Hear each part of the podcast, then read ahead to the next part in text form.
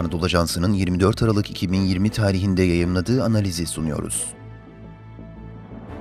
AB-Türkiye ilişkilerinde 2021 perspektifi.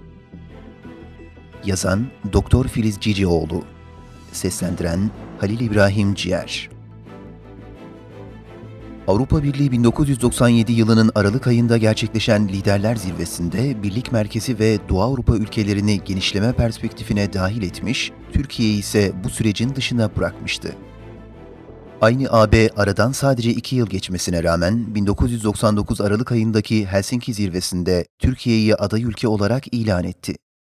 Bu iki yılda Türkiye'ye aniden gösterilen bu teveccühün altında yatan nedenler vardı kuşkusuz. Bunların başında birliğin motor gücü Almanya ve Fransa'daki iktidar değişiklikleri geliyor. Yunanistan'da yaşanan deprem diplomasisi de Atina'nın ülkemize karşı olumsuz tavırlarını terk etmesini sağladı. Türkiye'nin bir NATO üyesi olarak Kafkasya ve Balkanlarda gösterdiği performans da bu kararda etkili oldu. AB, çıkar ve önceliklerine uygun olarak Türkiye'ye bazı dönemlerde zeytin dalı uzatmakta ve Ankara ile diyaloğun geliştirilmesi söylemini benimsemekte. Bu adımlardan biri olarak değerlendirilebilecek olan bir açıklama geçtiğimiz günlerde AB Dış İlişkiler ve Güvenlik Politikası Yüksek Temsilcisi Josep Borrell'den geldi.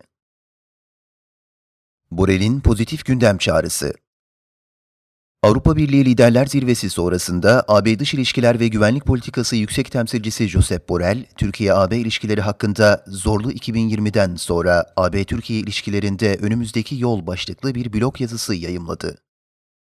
Doğu Akdeniz'deki gerginlik ve Türkiye ile ilişkilerin 2020'de AB için en büyük zorluklardan olduğunu ve bunun büyük ihtimalle 2021'de de devam edeceğini vurgulayan Borrell, şu çok açık, AB, Türkiye ve Rusya ile ilişkilerde doğru dengeyi bulamadığı sürece kıtada istikrarı sağlayamayacak açıklamasını yaptı. Borrell'in açıklamasında dikkat çeken diğer başlıklardan biri de Türkiye'nin bölgesel gücüne yaptığı vurgu oldu. Türkiye'nin Doğu Akdeniz'e gönderdiği Oruç Reis ve Barbaros Hayrettin Paşa gemilerinin isimlerinin Brüksel'de her gün anılır hale geldiğini belirten Borel, Türkiye dikkate alınacak bir bölgesel güç haline geldi ve inkar edilemeyecek başarılar elde etti ifadeleriyle birlik adına adeta önemli itiraflarda bulundu. Temsilci, Türk yetkililerin en üst düzeyde dahil olmak üzere AB'ye katılımlarının stratejik çıkarları olduğunu ilan etmelerinden memnuniyet duyuyorum Aynı zamanda niyeti teyit edecek eylemlerin bu açıklamaları takip etmesi önemli. İlişkiler tek yönlü olamaz. AB'nin de Türkiye'ye kendi payına düşeni yapması halinde aile ferdi olarak kabul edileceğini göstermesi gerekir. Bu kısasa kısas dinamiğinden bir çıkış yolu bulmalı ve yeniden işbirliği ve güven esasına dönmeliyiz sözleriyle ilişkilerin devamında her iki tarafında üzerine düşen sorumluluğu yerine getirmesi gerektiği tavsiyesini yineledi. Enerjimizi birbirimize karşı değil, yeniden birbirimizle görüşmelerimize harcamalıyız. Açıkça söylemek gerekirse ya karşılıklı çıkara dayalı bir gündeme doğru ilerleriz ya da karşılıklı yanlış anlamaların sonuçlarına katlanırız. Sözleriyle de Borel, tarafların bundan böyle ilişkilerde pozitif gündem oluşturmasının önemine vurgu yaptı. Bu çerçevede Türkiye ile Yunanistan'ın diyaloğu yenilemesi, ayrıca Kıbrıs müzakerelerinin sonsuza kadar devam etmeyecek şekilde başlamasının gerekliliği üzerinde durdu. Borel'in bu sözlerinin sadece Türkiye'ye yönelik değil, aynı zamanda Yunanistan'a hitaben de söylediği anlaşılıyor. Ayrıca bu zirvede beklediği kararın çıkmamış olması da Yunanistan'a birlik tarafından verilen önemli bir cevap.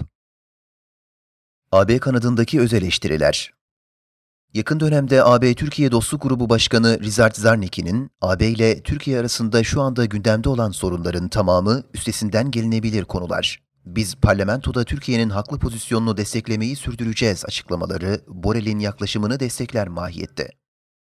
Yine İspanya Başbakanı Pedro Sanchez, Doğu Akdeniz'le ilgili olarak Türkiye ve Avrupa Birliği arasındaki ilişkilerde yapıcı diyalog çağrısı yaparak Türkiye'nin bir NATO üyesi olduğunun, farklı perspektiflerde çok yönlü ilişkilerin olduğunun bilincinde olduklarını ve başta Suriye ve Libya meselelerinin çözümü veya göç konusunda Türkiye'nin konumunun farkında olduklarının altını çizdi. Yaptırım kararının görüşülmesinin Mart ayındaki zirveye ertelenmesi, AB tarafının diyaloğa alan açma yaklaşımı olarak değerlendirilebilir.